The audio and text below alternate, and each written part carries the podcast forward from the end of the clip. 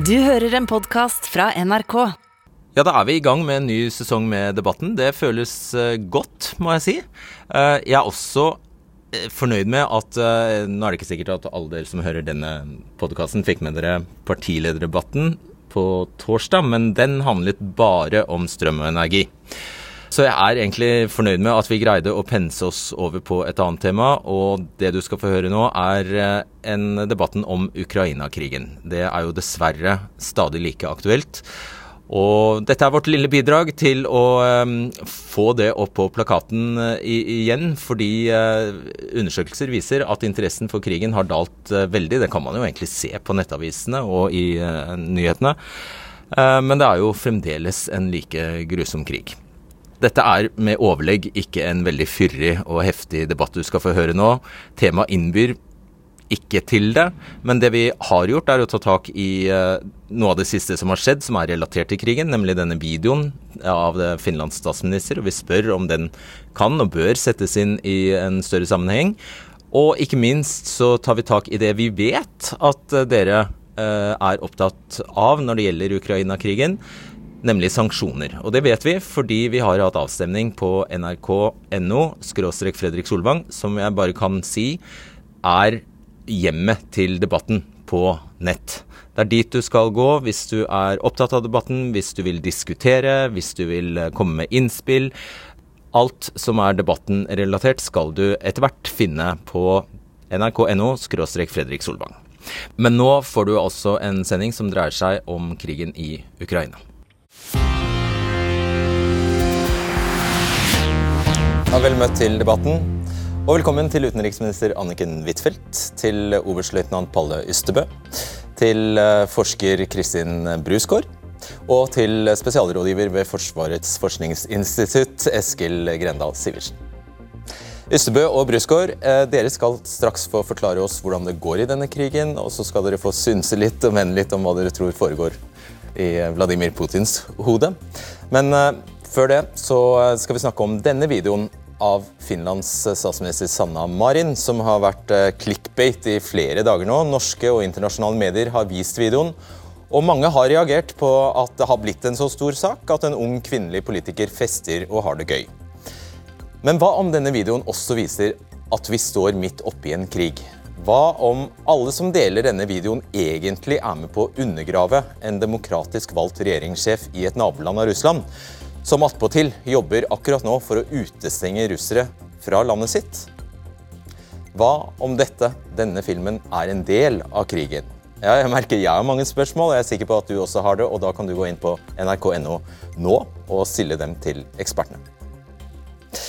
Eskil Grenda Sivertsen, som sagt spesialrådgiver ved Forsvarets forskningsinstitutt. Skal bare understreke først som sist at vi vet ikke hvem som har eh, spredt denne videoen. Vi, eh, vi vet bare at den finske regjeringen har bekreftet opphavet.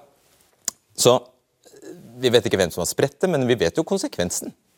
Hva, hva er den? Ja, Den mest umiddelbare konsekvensen vi ser, er jo at det har ført til en stor debatt i Finland og i Norge og i mange land om eh, eh statsministerens eh, dømmekraft, eh, og om hun er skikka til å være statsminister. Eh, og så har vi jo nå fått en debatt om debatten her. så det har jo skapt mye oppmerksomhet, åpenbart. Og hvem kan ha interesse av å skape en debatt om Sanne Marins dømmekraft? Det tror jeg Du hadde jo en intro her som la veldig opp til at dette, kan dette være en del av russisk eh, informasjonskrigføring eller påvirkning. Eh, og det, det, kan jo være besnærende å tenke. Eh, jeg tenker at Vi skal alltid være litt mistenksom, særlig i dag, når det kommer sånne saker. Så betyr ikke det at det er Russland som står bak, det vet jeg ingenting om. Eh, men det er jo flere som kan tenkes å ha et ønske av å skape en sånn effekt. Hvis det er snakk om å diskreditere statsministeren, så kan jo det være aktører både utenfor Finland og i Finland som kan ha interesse av det. Så, så det vet vi jo egentlig ikke, det blir bare spekulasjoner. Mm. Men det har nå blitt et eh, stort tema, så hva skal vi, vi TV-seere lære av dette her? Jeg tror det er viktig at vi både i redaksjonene og hos folk flest at vi tar inn over oss at vi står i en veldig spent situasjon i verden. Eh, det foregår veldig mye manipulasjon og påvirkning eh, gjennom internett på subtile måter som er mye mer avansert enn å bare se en eller annen fake news-story. Eh, at, at, vi forstår at det er en kontekst rundt alt det som skjer. Så betyr ikke det at, alt, at vi skal mistenke, mistenke, alt som foregår, men at vi har det i bakhodet. at Hvem kan stå bak dette, hvem har interesse av dette, hvilke effekter bidrar dette til å skape, og hvilken rolle kan jeg få i det, enten som redaksjon eller som enkeltmenneske, hvis vi deler eller lager en sak på det. Være en kritisk mediebruker, være kritisk borger, da, egentlig? Ja, Vi snakker mye om kildekritikk, og det er jo viktig. Men det er klart, i dette tilfellet så var det jo en samla norsk presse også som, som delte historien. sånn at da og så er det jo ikke, er jo, det er jo et Opphavet er jo riktig. Eh, så det trenger ikke å være desinformasjon, det trenger ikke å være falske nyheter, men det kan være materiale som noen, hvis det, hvis det ligger onde hensikter bak, da, ønsker å skape den effekten med å kompromittere eh, statsministeren. Hva var det første som slo deg da du så videoen? Jeg er jo grunnleggende sånn skeptisk eh, sånn av natur med det jeg jobber med, så jeg, jeg tenker jo alltid det, hvem, hva, hva ligger bak her. Eh, og så har jo ikke vi dessverre ressurser til å gå inn og sjekke alt som foregår heller, for det er mye. Men, eh, men, det er veldig mye som foregår. Bare en sånn bitte lite eksempel på det, som ikke har noe med Russland for så vidt å gjøre heller. men vi husker denne eh, Freedom Convoy som starta i begynnelsen av året med disse lastebilsjåførene i Ottawa som blokkerte hele byen og protesterte. det spredde seg over hele verden og ble en sånn opprør mot covid og opprør mot myndigheter. og, og, og det som starta den, eh, den, aksjonen i Ottawa, det var fem Facebook-grupper som ble oppretta av en konto som var stjålet seks måneder tidligere fra en uskyldig kvinne i Missouri som ikke hadde noe med dette å gjøre. Sånn at, og Jeg vet ikke hvem som står bak, annet enn at det var mye annet bak enn at det var lastebilsjåførene. Og det tenker jeg, Den ryggmargsrefleksen bør både redaksjonene og folk flest ha med seg. Skal vi notere oss. Ok, Det er jo heller ikke så mange uker siden en norsk diplomat, en kvinnelig norsk diplomat ble filmet på et hotell i Murmansk. Denne nyheten gikk også verden rundt, og også denne videoen ble vist av norske og ikke minst russiske medier. Skammelig, pinlig oppførsel, mente de fleste. Alle russofober kan dra til helvete ut av Russland, het det fra guvernøren i Murmansk. Men hva om diplomatens reaksjon var framprovosert? Hva vet vi egentlig om bakgrunnen for dette opptrinnet? Hva vet vi om overvåkningen av dette hotellet? Hvordan ble denne videoen spredt? Hvor kom den fra? Hvem tjener på at den ble lekket?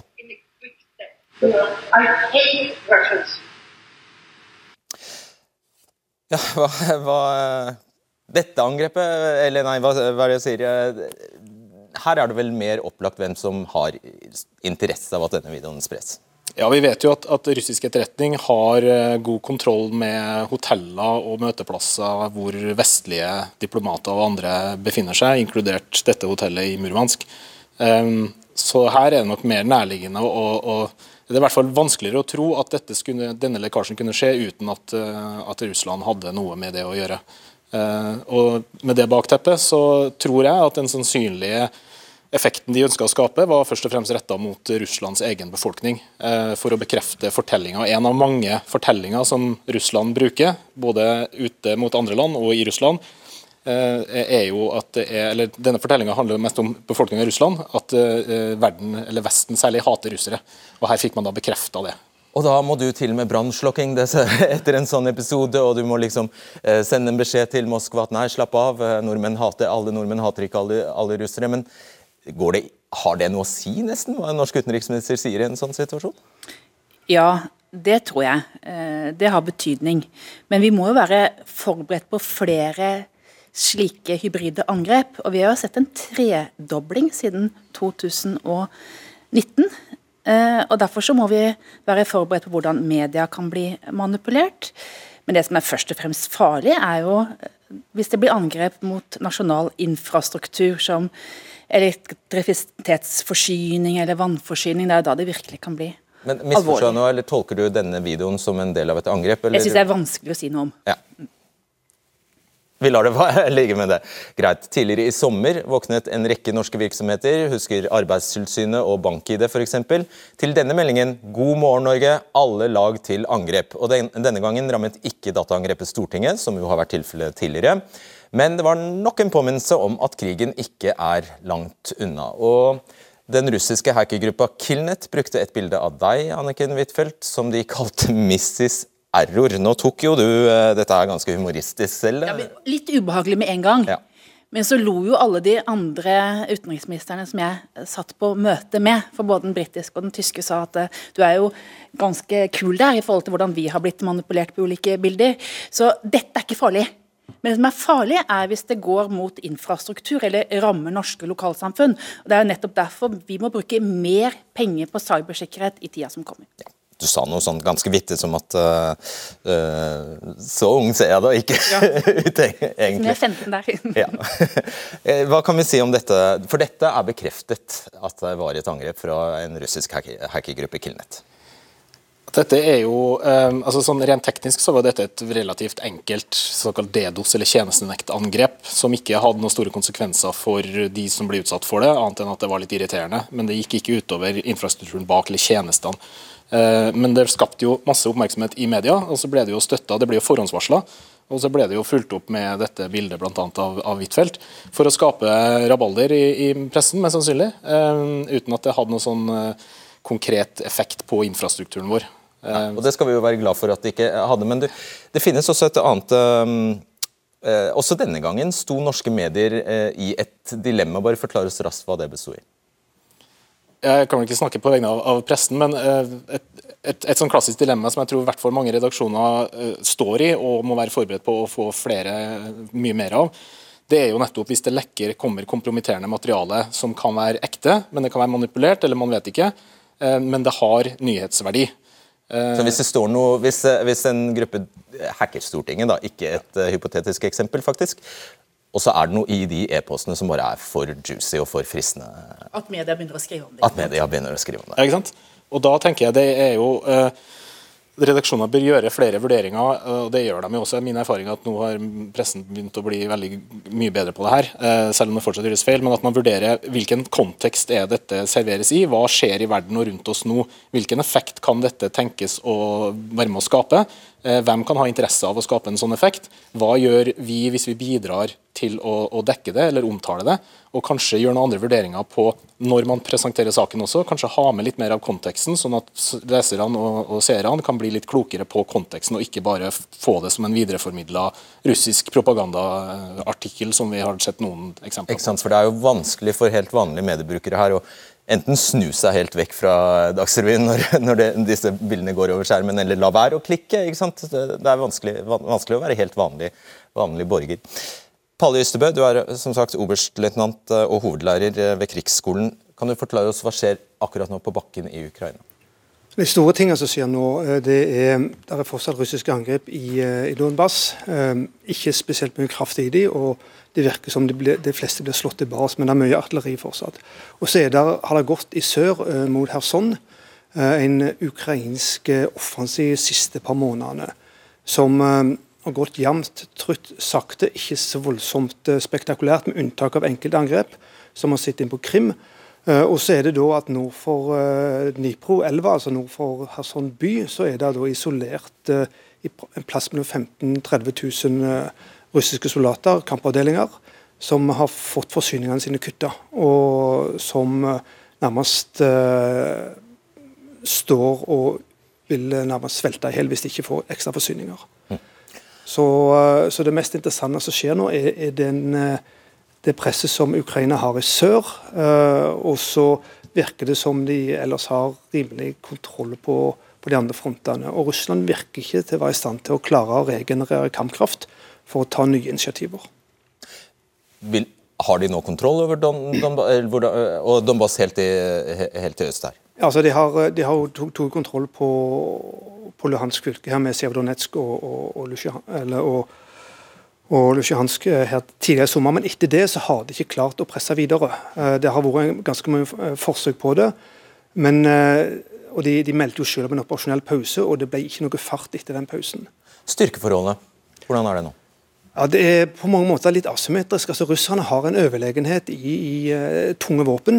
Både artilleri, artilleriammunisjon og, og, strategiske våpen som kryssemissiler og, og ballistiske raketter. Men de sliter med, med personell. De har uh, lite problemer med å erstatte tapene sine. De tapte de beste avdelingene i, i vinter og i, i, vår, og de har problemer med å erstatte dem. Ukraina har folk, godt trente folk, de har godt motiverte folk, og de har en større reserve som ganske mange har krigserfaring å sette inn. Så Det som vil bikke dette her og skape en endring, det er, det er vestlig våpenhjelp. Akkurat. Det er tunge våpen, uh, mye ammunisjon. Kommer straks tilbake til det. Mange som henvender seg til oss om krigen. og som jeg nevnte, det er, Stedet er nrk.no hvis du vil fortsatt lure på noe her. Det mange spør seg er finnes det en vei eh, ut her. Hva sier du til det? Eh, det finnes to veier ut, eh, eller kanskje tre. Det ene Ukraina vinner. Russland klarer å etablere status quo eller, eller, eller noe sånt. Eller, og at du får en, en form for gjensidig utmattelse. Eller så kan det være at Russland klarer å komme tilbake igjen og, og, og ta initiativet og tvinge fram en løsning etter sitt bilde på dette. Og Ingen av de scenarioene er kortsiktige? Nei, Vi snakker om en langvarig krig. År? Kanskje. Eh, Kristin eh, Ven Brusgaard, du er ekspert på russisk forsvars- og sikkerhetspolitikk. Eh, hva vil du tro Putin tenker nå, seks måneder etter han gikk til angrep, og det er altså tilstanden? Putin tenker nok at uh, dette ikke har gått i henhold til plan. Det må vi jo anta at det uh, også har gått opp for han. Uh, men til tross for det så ser det ikke ut som at han har endret sine overordnede målsetninger, som handler om å kontrollere og styre Ukrainas politiske fremtid. Vi ser jo nå at de militære målsetningene har endret seg, i form av at den initielle militære operasjonen mot Kiev eh, var feilslått, og at russerne nå forsøker å befeste sin posisjon som ble nevnt her, i øst og i sør. Eh, og at de kanskje ønsker å etablere seg der som et brohode for senere å eventuelt kunne eh, søke å kontrollere eh, også resten av Ukraina. Men Putins ambisjoner overfor Ukraina overfor å styre dette landet har nok ikke endret seg. Hva gjør de av politiske grep, i tillegg til militære, russerne? I Ukraina? Nå har man jo sett at uh, det virker som om russerne forbereder seg på muligens å uh, annektere uh, det, altså nye deler av Ukraina. De har i hvert fall gjort noen forberedende tiltak administrativt og politisk i disse sørlige og østlige delene av landet. Og man forventer og tror at russerne vurderer å avholde folkeavstemninger i disse landene, og kanskje vil søke å annektere dem etter modell Eh, fra eh, det de gjorde på Krim i 2014, eh, der dette var metoden de benyttet for å annektere. Men mange forventer at de kanskje søker å ha bedre militær kontroll enn det de har per i dag i disse regionene, før de vil gjennomføre noe sånt. Nettopp. To ord om dette attentatet mot Darja Dugin, journalist og datteren til en kjent ideolog, ideolog og ultranasjonalist, Aleksandr Dugin. Altså drept i et attentat i Moskva. Det har spekulert om faren kunne vært det reelle målet her. Ulike teorier selvfølgelig om hvem som står eh, bak. Noen hevder det var en russisk uh, geriljagruppe bl.a. Er det sannsynlig? Det er veldig vanskelig å spekulere i hvem som står bak uh, dette angrepet her, og i hvert fall hva slags institusjonell tilknytning disse personene her. Man kan jo uh, f.eks. For forestille seg at det også kan være enkeltpersoner eller mindre grupperinger som har en interesse av å nøre opp under denne konflikten. Uh, både datter og som du nevner far var jo vokale støttespillere for krigen i Ukraina, og har sågar også Eh, tatt til orde for at eh, russerne burde eh, gå enda hardere til verks i Ukraina. Så det er åpenbart at deres posisjon nok har satt sinner i kok. Er det sannsynlig at staten Ukraina på et eller annet, altså at Zelenskyjs menn kunne finne på noe sånt? Det fremstår som lite sannsynlig at staten Ukraina vil gjennomføre den type terrorangrep midt i Moskva. Når vi snakker Anniken Huitfeldt, om, eh, om, vestlig støtte til uh, Ukraina, som Ystebø sier er det, vesen, er det springende punktet her. Uh, Ukraina, Juli har vært en tørkemåned når det gjelder støtte til Ukraina. Uh, Aftenposten skriver altså Norge er et hederlig unntak der, angivelig. Men hva skjer hvis dette vedvarer og vestlige land ikke har stamina og vilje til å støtte Ukraina? Hvilken situasjon vil vi, og ikke minst Ukraina, befinne seg i. Ja, nå må Europa stå sammen med Ukraina. For Hvis vi lar dette lønne seg å gå til militært angrep, da rammer det oss alle. Og vi ser nå at Avisen er jo mye mer fylt av konsekvensene for folk sitt dagligliv, med høye energipriser.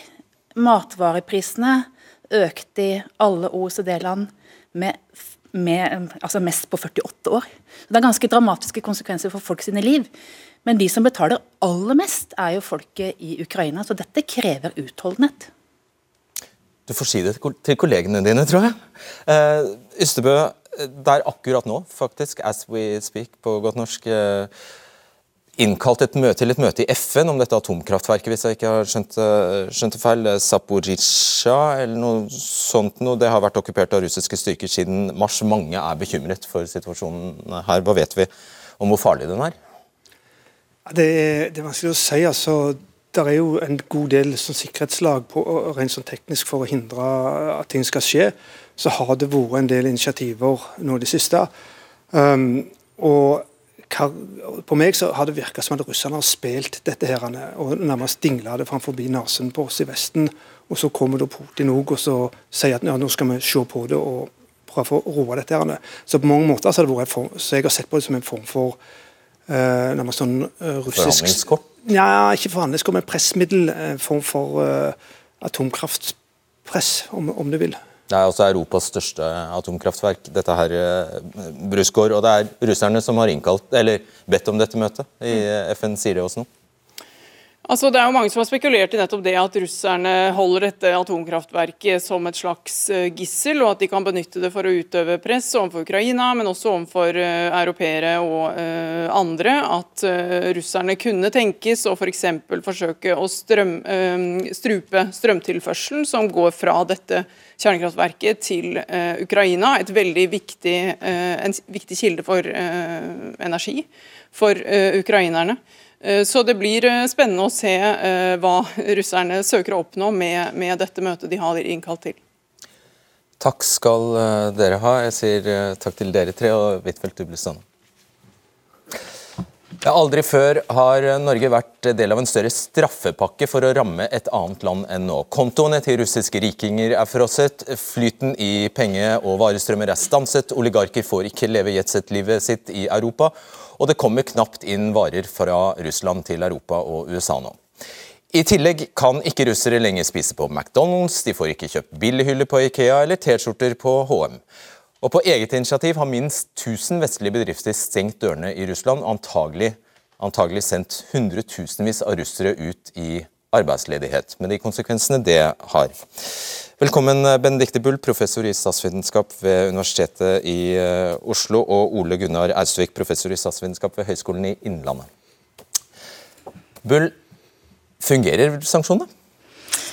Nei, eh, eh, det er mange måter å, svare på det spørsmålet på. Jeg tror at eh, sanksjonene har store konsekvenser for den russiske økonomien. Det tror jeg ikke det finnes noe tvil om, selv om ikke økonomien har kollapset i samme fart som noen håpet og noen fryktet. Men jeg har forsket en del på sanksjoner generelt, ikke minst i forhold til Venezuela. Og altså, Bruken av sanksjoner har eksplodert de siste årene. USAs bruk har økt med 933% i løpet av 20 år. Og i takt med økningen i bruk av sanksjoner, så har suksessraten gått ned. Og Det er det mange grunner til, men man ser at sanksjoner virker særlig dårlig i forhold til autoritære regimer. Man oppnår nesten aldri tre ting. Det er regimeskifte, kapitulasjon eller å stanse en aggresjon. Men det man ofte oppnår, er å styrke ledere i de sanksjonerte landene og svekke opposisjonen. Eh, og Det er det igjen mange grunner til. Ikke minst at folk flest får det verre, og lederne kan peke på at dette har, har opposisjonen eller motstanderen faktisk eh, ønsket og invitert. Og Hva er den overforenklede forklaringen på at det ikke biter på autoritære styrer? Det er jo de som vanligvis rammes av sanksjoner. Altså Mange autoritære regimer ønsker egentlig å isolere befolkningen sin, og her får de det på mange måter gratis. Men det er jo også at, at det blir brukt i propaganda. Folk får det verre, og de kan peke på at grunnen til at folk får det verre, er i dette tilfellet vestlig aggresjon. Skal også ønske velkommen til deg, Guri Mellenbu, eh, leder i eh, Venstre. Du ivrer for å stramme til eh, sanksjonene. Her taler du altså mot både ja, erfaring, forskning og, og, og det meste. Mm. Så Det finnes vel ingen våpen vi kan bruke i en krig som ikke har negative sider. Og det er ingen av oss som med 100% sikkerhet kan si hvordan sanksjonene mot Russland har virka eller vil virke på sikt.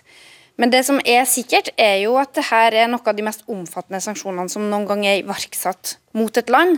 Og så er det ikke sånn at vi bare har gjennomført sanksjoner heller.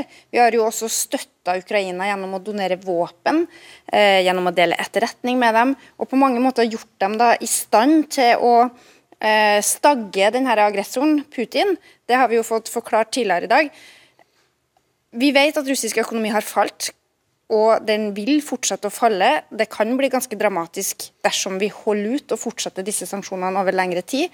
Og Da vet vi at vi stanser en del av finansieringa av Putins krig. Så det er klart, Selv om det her ikke fører til et regimeskifte, i hvert fall ikke på kort sikt i Russland, så bidrar det til å stanse noe av finansieringa av krigen, og dermed gjør det vanskeligere for Putin å fortsette krigføringa i Ukraina. Mm. Ole Gunnar Ausvik, eh, du, du, var, du, var, forutseende allerede. Du sa at uh, det er lite sannsynlig at Russland ville trekke seg uh, fra krigen eller avslutte støtten til opprørerne i Øst-Ukraina som følge av sanksjonene. Dette sa du ikke i år, men i 2014 faktisk. i forbindelse med... Og du, uh, du var jo sannsynt, nærmest. Vil du bare forklare hva som var feil i det resonnementet Melby la for dagen? nå? Nei, altså det er jo ikke slik at altså, Sanksjoner er noe du bruker politisk hvis uh, forhandlinger og diplomati har gått ut, uh, du får ikke til noe mer der, og ikke vil gå til krig, så må du gjøre noe.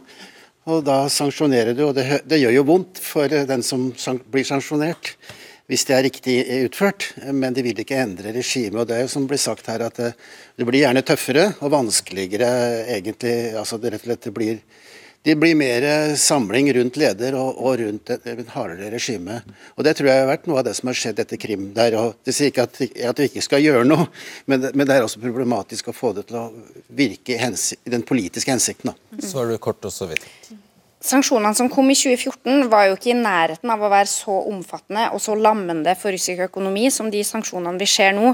Eh, og så er det som sagt altfor tidlig nå, et halvt år etter krigen starta og bare noen måneder etter sanksjonene ble innført, å kunne fastslå effekten. Men når vi ser det fallet i russisk økonomi som vi nå har sett, når vi ser alle de bedriftene som flykter fra Russland, når vi ser at de ikke får reservedeler til flyene sine og sånne ting, så er det jeg, jeg, føler meg ganske sikker på at det har en effekt, men akkurat hva som blir konklusjonen til slutt, det er det jo helt umulig å si. Ja, for Hva er målet her med sanksjonene? Norge har altså tilsluttet seg de aller fleste av EUs uh, sanksjonspakker, eh, med unntak av to viktige ting. Mm. altså Havneanløp for russiske fartøy. Store skip. Stor, store skip, og, og, også, mm. okay, store skip, og uh, russiske medier. Ja, mm. ok. Så hva er målet? Målet er jo å redusere Putins evne til å føre denne krigen. Han har jo mindre teknologi. altså Vi ser at bilproduksjonen i Russland nå har falt med 97% Men det er jo riktig som Bull sier, altså hvis målet er å endre regimet, så er det ikke sikkert det fungerer. Det har vært eh, sanksjoner mot Cuba i mange år. Det er kommunistene som styrer fortsatt. slik at det vi så i Sør-Afrika, eh, nemlig at det ble innført sanksjoner som var med på å endre apartheidregimet, det har vi ikke så mange gode eksempler på. Men dette er ikke sanksjoner som er innført for å styrte Putin, men som en reaksjon på denne brutale krigføringen. Var det da vi gjør det for, for å straffe ham? Eller hva, for, å innføre sanksjoner som en straff, ja. Men også for å fraråde andre land å gjøre det samme. For å endre kurs? Bare, ja, men da blir det van... Vil nesten tvinger Putin til å endre kurs, siden man ikke har ambisjoner om å styrte Ja, så Han får mindre penger, da. Da fører krigen. Og det er det aller viktigste. Ja, altså Ironisk sett så får han jo ikke mindre penger, fordi alt dette her har jo ført til at oljeprisen har skutt i været og han får mer penger. Men det er klart at noen av de sanksjonene som har vært innført, de kan ha en, eh, ha en viktig effekt ved å avskjære fra teknologi f.eks. Men man får jo da, jeg er helt sikker på at dere har rett i at eh, man får en langsiktig svekket eh, russisk økonomi. Så er det spørsmålet om vi egentlig har eh, stor interesse av en dramatisk svekket russisk økonomi langs grensa og en enda, mer, enda sterkere leder og en mer autoritær stat. Og, og, jeg sa jo tre ting som de aldri har ført til. Det er ikke bare regimeskifte, men det er også kapitulasjon eller stanse aggresjon. klarer man veldig veldig sjelden å oppnå. Har du et altern ja. Det er også vanskelig å sammenligne, som du er inne på sjøl. Fordi at Hvis vi nå ikke hadde gjort noe og sagt at jeg kan bare kjøre på, selge like mye til utlandet som før, kan reise like mye til utlandet, så ville det også fått konsekvenser. For det hadde betydd at de kan gå til angrep på sitt naboland uten at eh, Europa gjør noe. Har dere noe alternativ, dere som er kritiske til sanksjoner? Altså, jeg tror det er vanskelig å, å, å, å, finne det rommet mellom krig og slutt på forhandlinger. Så Jeg skjønner jo godt at det er en slags moralsk eller innenrikspolitisk også eh, press i retning av å gjøre noe.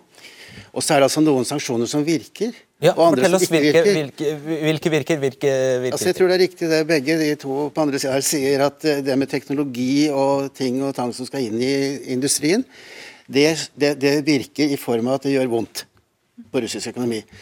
Når vi ser på olje- og gassanksjonene, så er ikke det Norge en del av de sanksjonene. Vi selger jo olje og gass, men EU er det. Og det er klart at hvem er den mest avhengige parten her?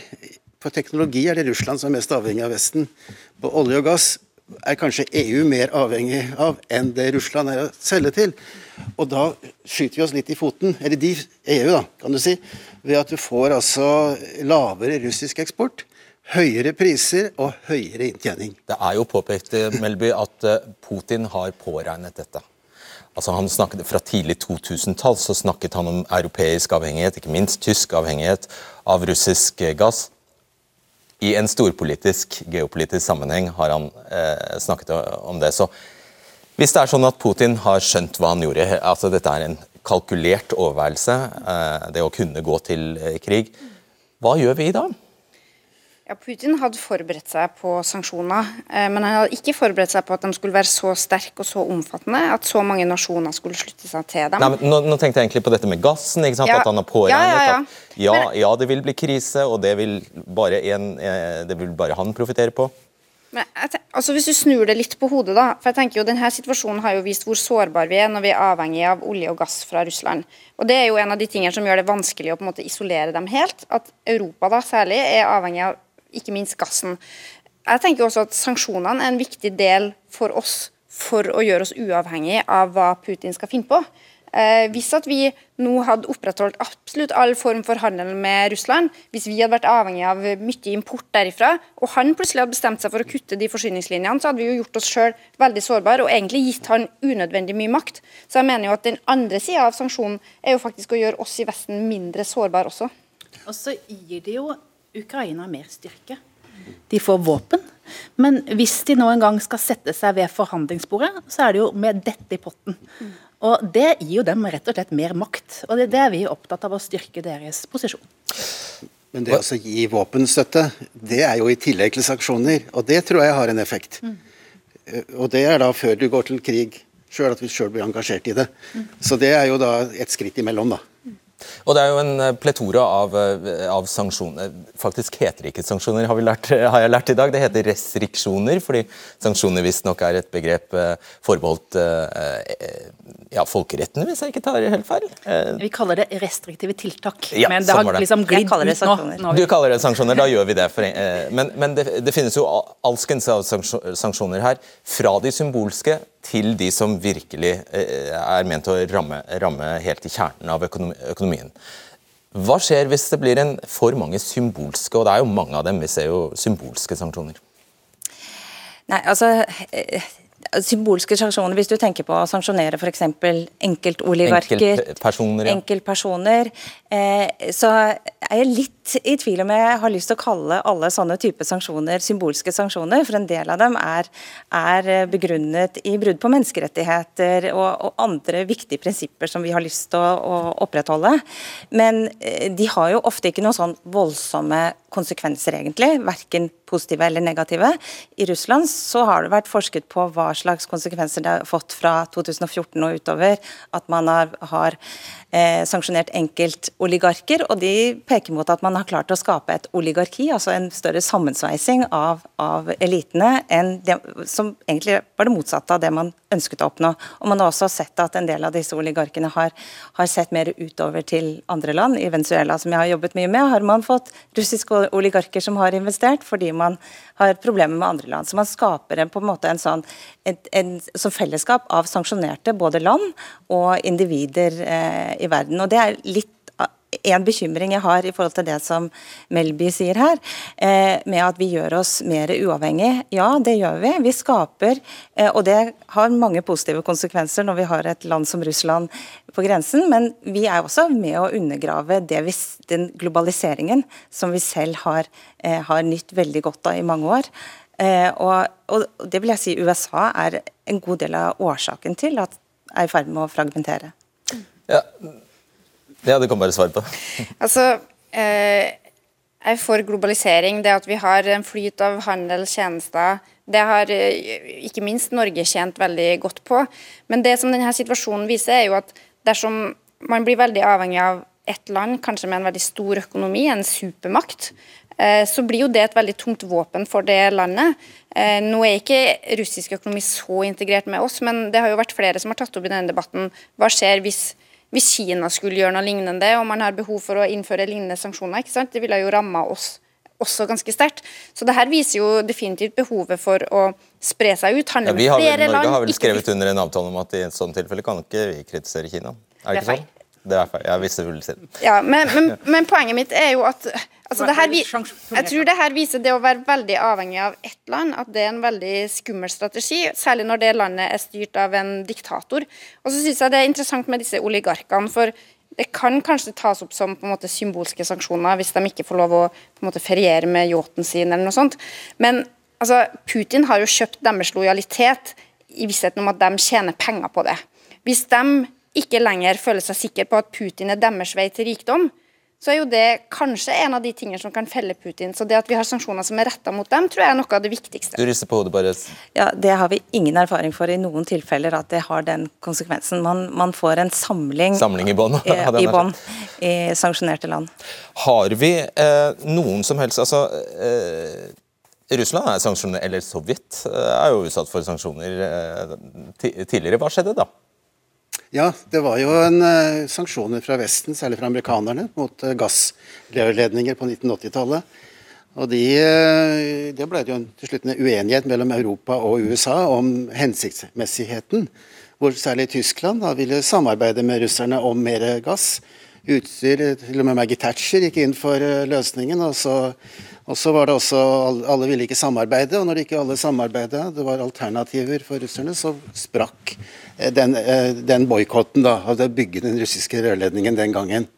Akkurat. Da, så endte det med da en, en mer begrensa boikott. Og det går nettopp på noe av de tingene som ble nevnt her, nemlig på teknologi. Kokom het det regelverket den gangen.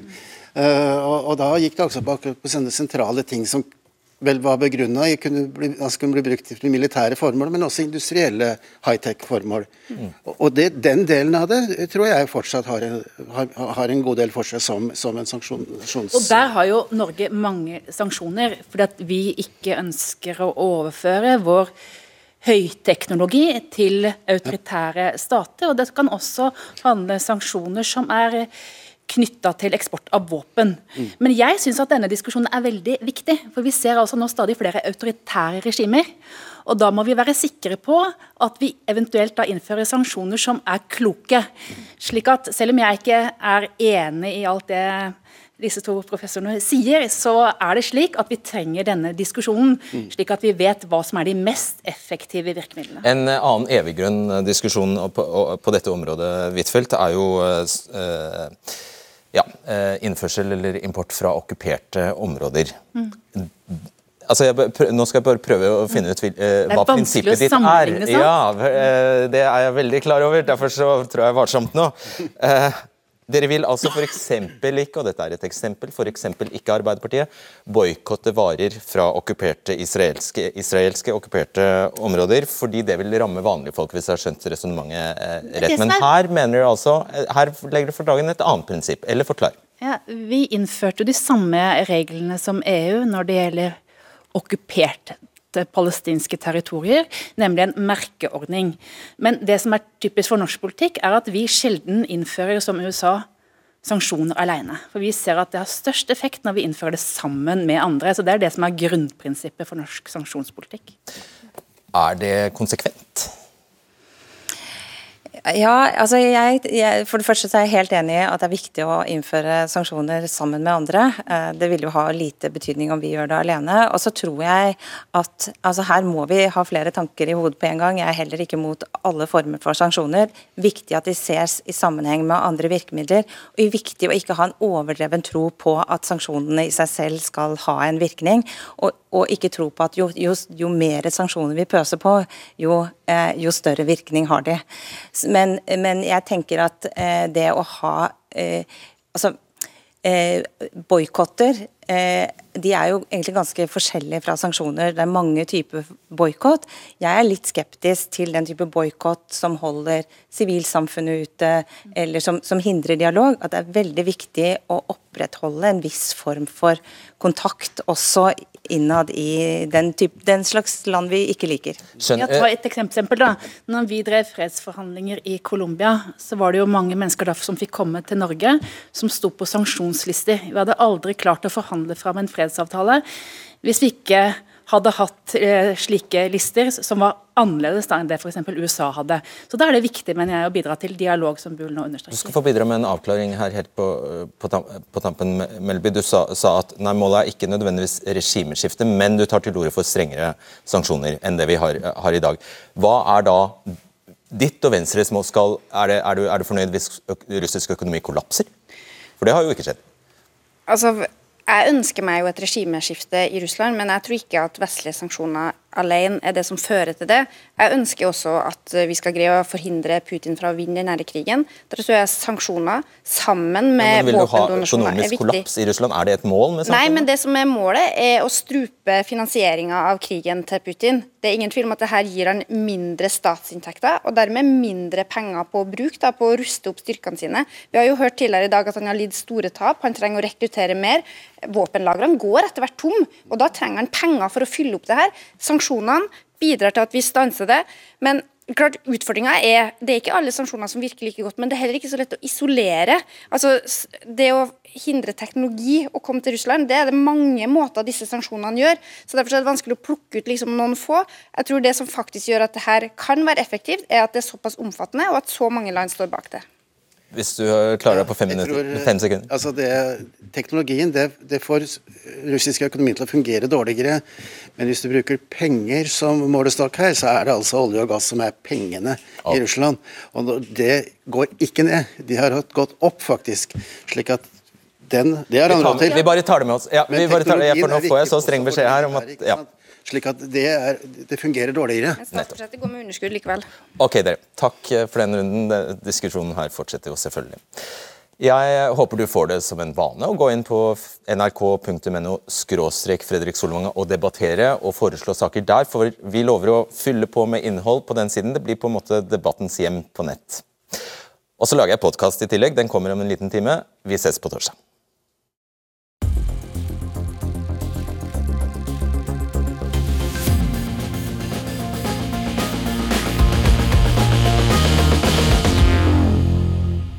Hvis antallet som har stemt på eh, avstemningen om temaer vi skulle ta opp i eh, denne debatten, er en indikasjon på interessen for denne krigen, så er det stor interesse. Fordi det er 10 000 som har uh, sagt sin mening der. På nett. Altså nrk.no Fredrik Solvang. Ja, onsdag morgen så går vi som vanlig i gang med jobbing med et nytt tema. Det er blanke ark.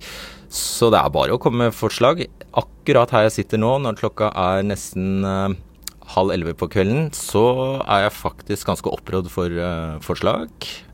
Har noen lengst bak i hodet, men det er liksom ingen helt soleklare kandidater her. Så her kan veldig mye skje. Ok, takk for at du hører debatten på podkast. Det er jeg veldig glad for. Og så håper jeg du får inn rutinen på nytt. Jeg vet vi har vært borte lenge nå. Ha det bra. Du har hørt en podkast fra NRK. De nyeste episodene hører du først i appen NRK Radio.